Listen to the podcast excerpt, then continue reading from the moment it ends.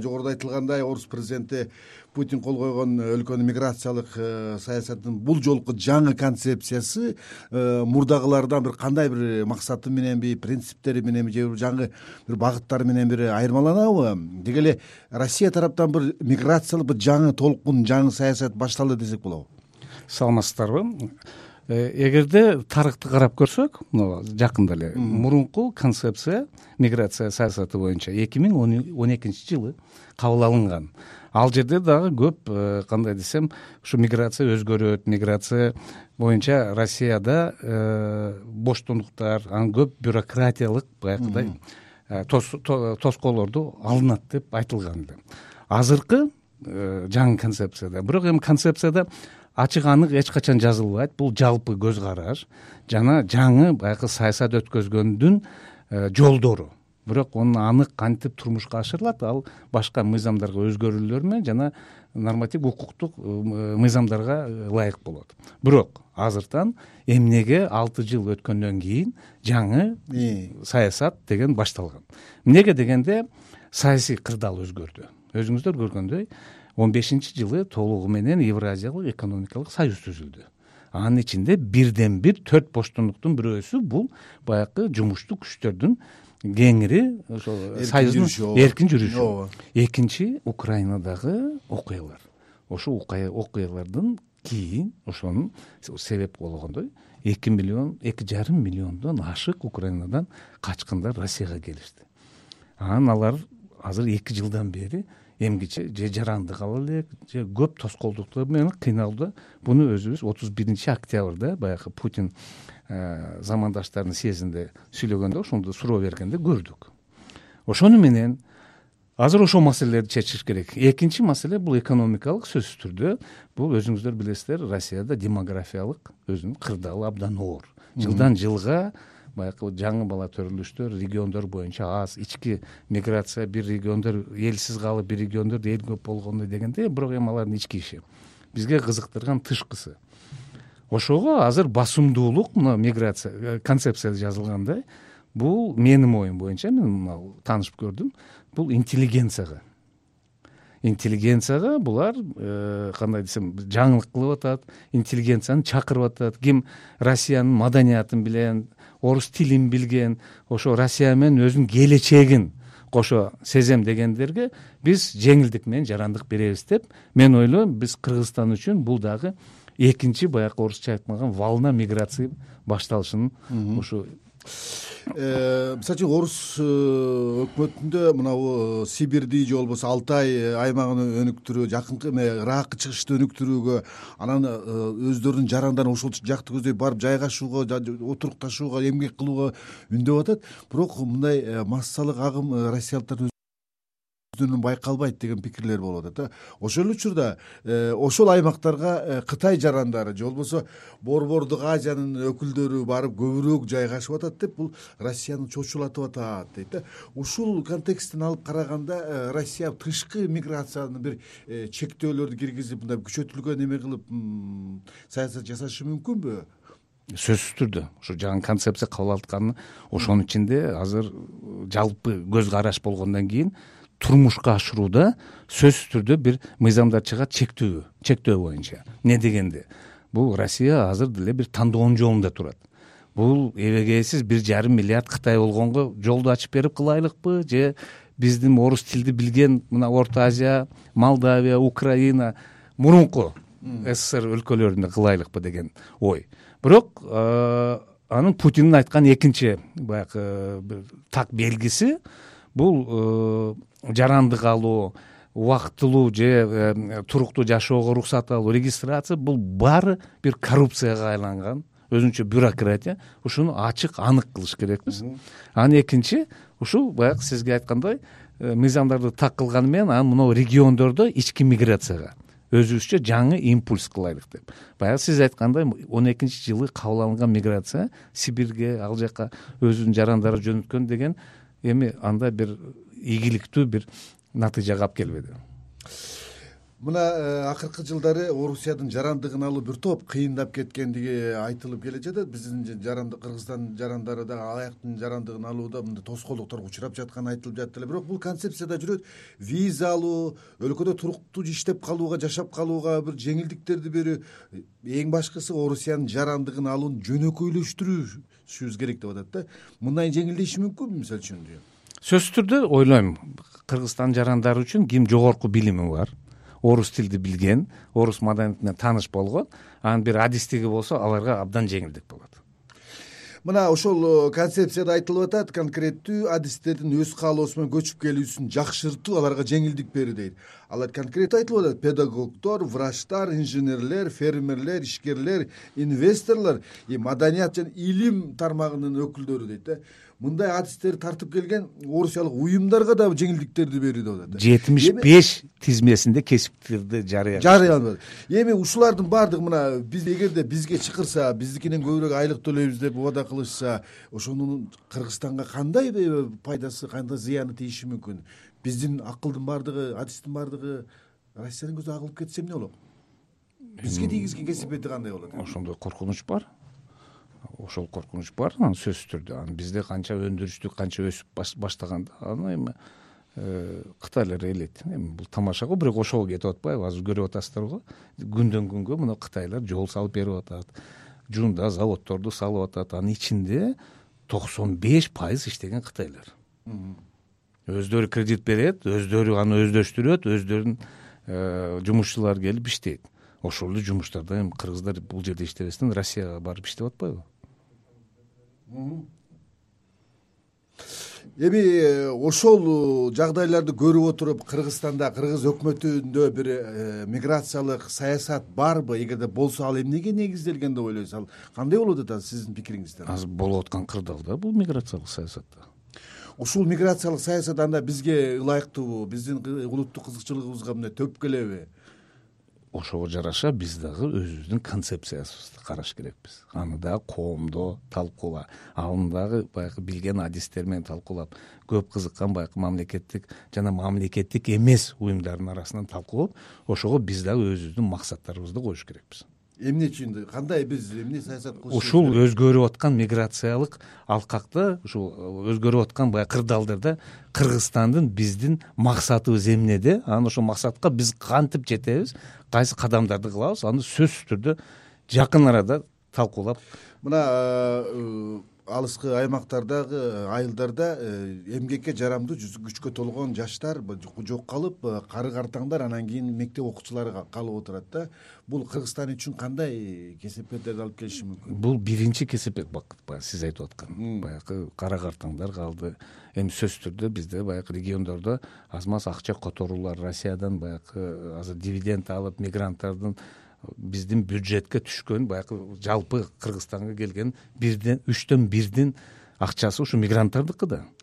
Бирок бул деле акча мына бир ашып барса он он беш жылдан кийин келбей калат. Эмнеге дегенде азыр көп ошо красноярск башка райондордо кыргыздар өсүп аткан анын ал жерде уже балдары төлөбөй ал жерде уже мектепте окуп мектептерди бүтүп атышат. Кыргыз тилин билбейт. Кыргызстанды билбейт келечекте булар жумушка келгенден кийин булар кыргызстан менен толугу менен бир байланыш түзөт го дейм. Мисалы үчүн э, өткөндө бир топ э, убакыт мурда э, россиянын тула облусунда москванын алдындагы бир айрым айылдарда кыргыз отурукташкан көчөлөр пайда болду эле. Орусиянын бийлик жергиликтүү бийликтер мурдагы өзгөрткөн чечимдерин кайра баш тартышып аны жокко чыгарып атышат да. Мунун артында эмне бар дейсиз? Эмне үчүн андай эмелерге келип атат? Эми биринчиден чочулап атабы? Жок мен биринчиден ойлойм бул кыргызстан кыргыздарга душмандык эмес. Биздикилер ак ниети менен барып иштеп ошо көчөлөрдү. Бул баягы айткандай прецедент. Прецедент кыргыздар уруксат бергенден кийин анан ушундай этникалык бир өзүнчө зоналар ачылып кетеби деген орустардын коркунучу бул кыргыздарга бергенден кийин уруксат эртең молдавандар уруксат алат таджиктер алабы мына өзбектер алабы а негизи эми сөзсүз түрдө орто азиялык эл бир миграциялык коркунуч россияга алып келбейт. Сөзсүз түрдө бул кытай эл республикасы. Ошого чочуп ошого мен ойлойм баягы прецедент болобу деп анан кайтара өзү берген убадасына аркага кайтышты мисалы үчүн ошо кыргызстанда мындай туруктуу иштеп аткан бир э, мындай э, иш алып барылып аткан иш барбы? Бизде да ошондой концепция барбы? Ал эмнеге негизделген мисалы үчүнчү? Биздин өкмөттө барбы ошондой кыргызстандын менин билишимче бүгүнкү учурга чейин бир миграция концепциясы бизде кабыл алына элек э, концепциянын жоболоруна таянсак э, моундай болуп атат да тиги орусия интеллектуалдык менчик ага байланыштуу фонддорду ташып келүүдө жеңилдиктерди берүүнү колго алууну көздөп жатат дейт. Бул орусиянын башка өлкөлөрдөн интеллектуалдык ресурстарды илимдин өзүнө бир тартып алуу же болбосо чакыруу ниетинде болуп жатат да. Анан кийин бизде да мына өпчап иштеп жаткан кыргызстандагы илимий кызматкерлерден кол жууп калуу коркунучу болуп атат. Мисалы ушул убакка чейин убакыт азыр баягы миграция. Бул жерде бизде окумуштуу болобу баягы деятель культуры болобу россияга барам десе ал сөзсүз түрдө түздөн түз кайрылып барыш керек. Жаңы миграция. Ортомчуларга да жол берип атат. Силер үгүттөгүлө силер агитация кылгыла силер аркылуу дагы келсин деп. Бул бул көбөйтөбүз деген жол. Сөзсүз түрдө биз кыргызстан тарабынан бул миграция потоктору эли көбөйөт россияга көчкөн. Эмнеге дегенде айлыгы чоңураак. Ал жерде анын жумуш бар демек бул э, россия кабыл алган жаңы концепция биздин э, миграциялык агымды мурдагыдан дагы күчөтүшү мүмкүн экен анда ооба сөзсүз күчөтүшөт э. Ооба. Жана сөз канча жеңилдесе ошончо күчөйт. Ооба сиз да жанагы кичине айтып кеттиңиз мына азыр кыргызстанга акча жөнөтүп жаткандардын баардыгы кыргызстан менен байланышкан кыргызстанда туулуп өскөн кыргызстанга улуттук бир мекенчилдик сезими бар адамдар. Аларды мына бизге акча которуп атат. Эми алардын баардыгы пенсияга акыры бир күн чыгат да. Чыгат. Эмгекке жарамсыз болот андай акча келбей калат. Эми алардын балдары кыргызстанда төрөлбөсө ала тоону көрбөсө ысык көлдү көрбөсө кандай сезим болот алар бизге акча которбойт деген коркунучтар бар да. Сөзсүз. Түрдө мисалы үчүн ушул негизден алып келгенде кыргызстанда э, кандай саясат болсо деп ойлойсуз. Анткени мекенди эли менен анын интеллектуалдык э, деңгээли менен эсептейт эмеспи да. Бизде андай кандай мекен болот? Кандай э, сиздин оюңуз кандай? Жок эми ал э, жөнүндө ушул саясат жөнүндө көп эле айтылып келатат. Эмнеге дегенде өзүбүздүн эле жердештерибизге ошо россияда жүргөн аларга жеңилдик түзүп алар акчасын келип бул жерге инвестиция кылып анан үй салыш эмес ол той өткөзүш эмес. А бул жерде ишканаларды ачып ошондо байланышы атасынан баласына өтөт. Ошону шарт түзүү боюнча көп эле айтылып атат. Ал эмес ошо инвестиция жактан өзүбүздүн жердештерибизге сөзсүз түрдө башкачага караганда көп жеңилдиктерди бериш керек. Ал бир. Экинчи эми баарына эле белгилүү жаңы жумушчу орун түзүш керек. Эгерде мына кытай тарабынан келип бизде бир чоң проекттерди түзүп атса сөзсүз түрдө алардын эсебинен жаңы птуларда окуучу орундарды түзүш керек. Ошол жерде кыргыздар окутуп ошол эле ишканаларга азыр биз толугу менен кытайларды алмаштыра албасак дагы бир төрт беш жылдын ичинде ошол эле нефтеперерабатывающий завод мына бүт обслуживание жолдорду кыргыздарга өтүш керек да. Болбосо азыр окутпасак толугу менен кытай иштеп атса эртең деле кытай иштейт да. Ошондой аракет барбы? Мисалы үчүн ошондой саясат барбы деп мен сизден дагы бир жолу сурагым келип атат да.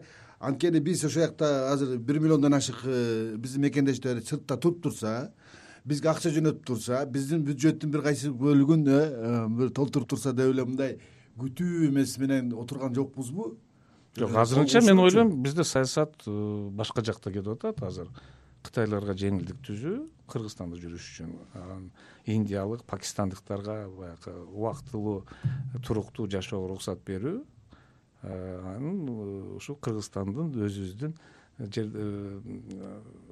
жарандарыбызга чет өлкөгө кетүүгө шарт түзүү.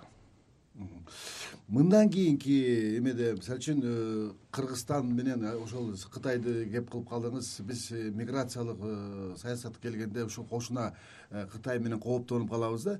Кандай саясат жүргүзүш керек анда? Кытайга байланыштуу кандай мамиле болуш керек деп ойлойсуз? Кандай визалык режимди күчөтүш керекпи? Же болбосо дагы бир башка бир чектөөлөр киргизиш керекпи? Жок эми баягы жаңы кыргызстан эгемендүүлүк болуп өлкө эки миңинчи жылы болуп атканда ошондо баягыдай э, мыйзамга жазылбаган эмес баягы ооз эки сүйлөшкөндөй канча кыргыз кытайга барса ошончо кытай кыргызстанга кирүү деген сүйлөшүүлөр бар эле. Ал жокко чыккан эми билесиздер. Эмне үчүн жокко чыкты? Эми жылдар өттү саясат өзгөрдү. Анан акыркы беш алты жылда өзүңүздөр көрдүңөр ири кытай компаниялары кыргызстанга келди. Ири бизде кыргызстанда жыйырма жети жылдын ичинде бир беш алты проект болсо эң баягы чоң долбоорлор ошонун төртөөсүн кытайлар аткарып атат. Эксим банктын эсебинен. Эң көп карыз кытайга болдук. Анан жол салышты лэп салышты э, жунда мынау нефтеперерабатывающий завод салышты. Азыр дагы жол салып атат. Кытайлар баарын салып атат ал жерде бир кыргыз жок. Эгерде ушундай саясат ушундай кырдаал абал дагы эле улана берсе улана берсе сиз элестетесизби жыйырма жылдан кийин отуз жылдан кийин кыргызстанда кандай демографиялык абал болот же анчалык кооптонууга негиз жокпу? Жок ойлойм ага чейин жок кооптонуу бар бирок ага чейин саясат өзгөрөт деп ой бар. Азыр могу жаңы бийлик жаңы бизде э, стратегиялык баягы өнүгүү концепциясы кабыл алынды ошол жерде дагы анык жазылды мына жакында президент кол койду. Эми ошону ишке ашыруу үчүн миграциялык саясатта өзгөрүш керек да. Аны дагы кабыл алышат деп э, ага да ишенич бар жаңы бийликтин жаңы саясаты байкалабы ушул миграциялык э, процесстер боюнчачы жок эми немеге караганда сөзсүз түрдө баягы Э, кыркынчы жылга чейин кыргызстандын өнүгүү программасы концепциясы жакында кол э, национальная стратегия устойчивого развития деп нсур деп. Ошол жерде бул сөзсүз түрдө турат. Бул жаңы жумуш түзүү анан бул жердеги баягы кайсы ишканаларга кыргыздар кыргызстандык тартуу ошого шарт түзүү деген сөзсүз бар ал жазылды бирок ошол стратегияга карата ошону ишке ашырууда азыр эмки Э, бизде баягы министрлик агенттик э, ошо службалардын ишке ашыруу боюнча кандай мыйзамдар кайсы концепциялар кайсы стратегия кайсы тактикалар кабыл алынат?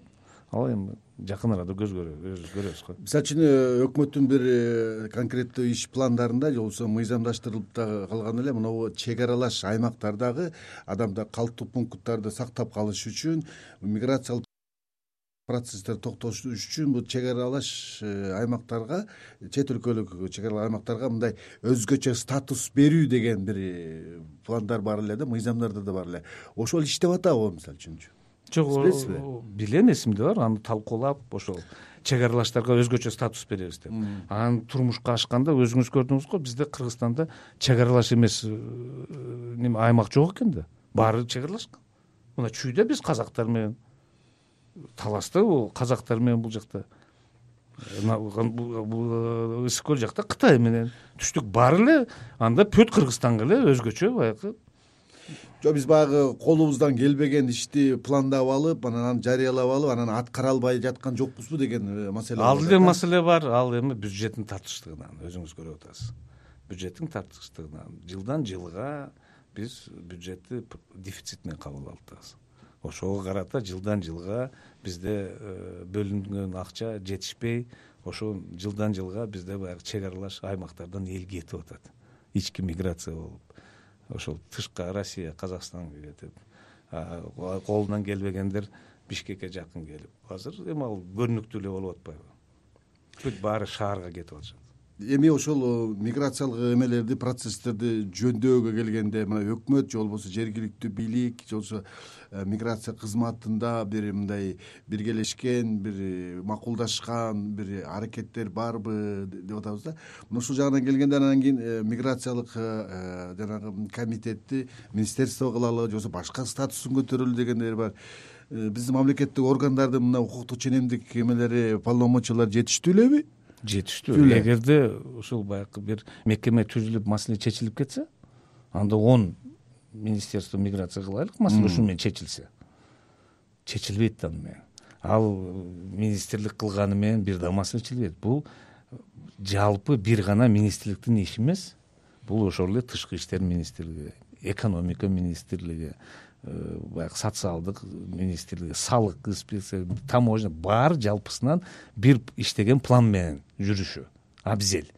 Ошого жараша мен айтып атам азыр ишенич бар эмнеге дегенде жалпы өлкөнүн стратегиясы кабыл алынды мына жакында. Ошонун ичинде ушу миграция жөнүндө дагы сөз бар.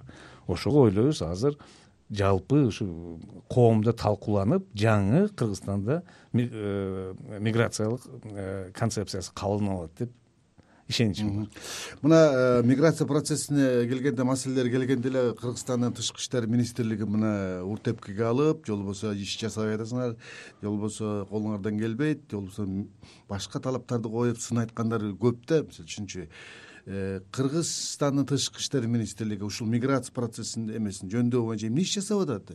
Кандай жасап атат эгерде жасап атса? Жок сөзсүз түрдө. Эмнеге дегенде баягы э, миграциянын өзүн биздин э, замандаштар чет өлкөгө кеткен мекендештер алар биринчи кабыл э, баягы туш келгенде биздин элчилик менен туш келет. Ошого иштери түшөт жумушу түшөт справка керек же түрмөгө түшүп калат. Бирден бир ошол элчиликтерге баглык аны өзүңүздөр ойлоңуздар баягы ал жерде да сын пикир көп. Ал жерде деле ал туура деле сын пикир бар. Бирок ошол эле учурда мисалы москваны айтайлык москва өрөөнүндө жашаган үч жүз миң кыргызстандыктар бар. Бул деген нерсе ошону тейлеген он беш адам он беш дипломат. Бул деген бизде бир кара суу район. Пөт милициянын ордуна социалдык камсыз ордуна паспорт система пөт мамлекеттик органдын ордуна он беш адам кандай жетишет ошого анан ошол дагы учурда райондо бизде жашаган үч жүз миң компакттуу жашайт москва москва өрөөнүндө чачыранды. Туура ошол эле учурда баарына жетишкени аракет кылат бирок эми объективдүү маселе да могу да анан эми айрыкча акыркы заманда акыркы убактарда өзүңүз көрдүңүз тышкы иштер министрликте эми баягы уртепкиге алып эле баягы сындап неме кылып ал деле өкүнүчтүү нерсе. Бирок эми тышкы иштер министрликте болуп аткан иштер бул мамлекеттин ичинде эле болгон ошону эле баягы күзгүгө караган эле нерсе да анан мамлекетте болуп аткан нерсе тышкы иштер министрлиги кандай эле аппакай болуп эле болобу эле. Ал ошол эле көрүнүштөр. Мына россияда кабыл алынган э, миграция боюнча жаңы концепцияны эске алганда э, кыргызстандын өкмөтү жалпы деги эле бийлиги ушул э, россия менен э, кандай саясат жасаш керек? Ошого ылайык келтирүү үчүнчү сиздин оюңуз кандай? Эмнелерди эске алыш керек э, деген ойдосуз. Мисалы үчүн келишимдиктер жөнүндөбү же болбосо мыйзам жаңы мыйзамдар өзгөртүү киргизүү жөнүндөбү деги эле жаңы мамиле кылыш кандай кылыш керек деген оюңуз бар? Менин оюм ушул акыркы он беш жыл биз кыргызстанда биздин өкмөтүбүз дагы э, жалпы бийлик. Россия менен кызматташуу кылганда ушу э, максималдуу түрдө жеңилдик кылып берелик максималдуу түрдө ушу кыргызстандан россияга кетип ошол жерде отурукташып ошол жерде жашоого шарт түзөлүк деген саясат өттү. Мен дагы ойлойм бул деле убакыттын заманы деле бүтүп атат. Бул дагы өзүбүздүн кызыкчылыгыбыз кыргызстандыкын ойлоп анан ошол эле өзүбүздө жумушчу орундарды түзүп ошол эле келген ири инвесторлорго бирден бир талап койгондо токсон пайыз жергиликтүү эл иштеген деген саясат өткөзүш керек деп ойлойм рахмат урматтуу радио каармандар. Бүгүн биз э, орусияда кабыл алынган миграциялык саясаттын жаңы концепциясынын тегерегинде кеп кылдык. Ошо ал документтин геосаясий маңызы жана кыргызстанга тиер көлөкөсү оң терс маселелери жөнүндө сөз болду. Бүгүнкү биздин талкуубузга кыргызстандын тышкы иштер министринин мурдагы орун басары аскар бейшимов катышты. Бүгүнкү биздин талкуубузга замандаш бирикмесинин координатору азамат айтбаев да катышмак эле биздин талкууга жетише албай катыша албай калды. Аны да эскертип койгубуз келет берүүнү мен бакыт орунбеков алып бардым. Кайрадан эфир аркылуу жолукканча саламатта калыңыздар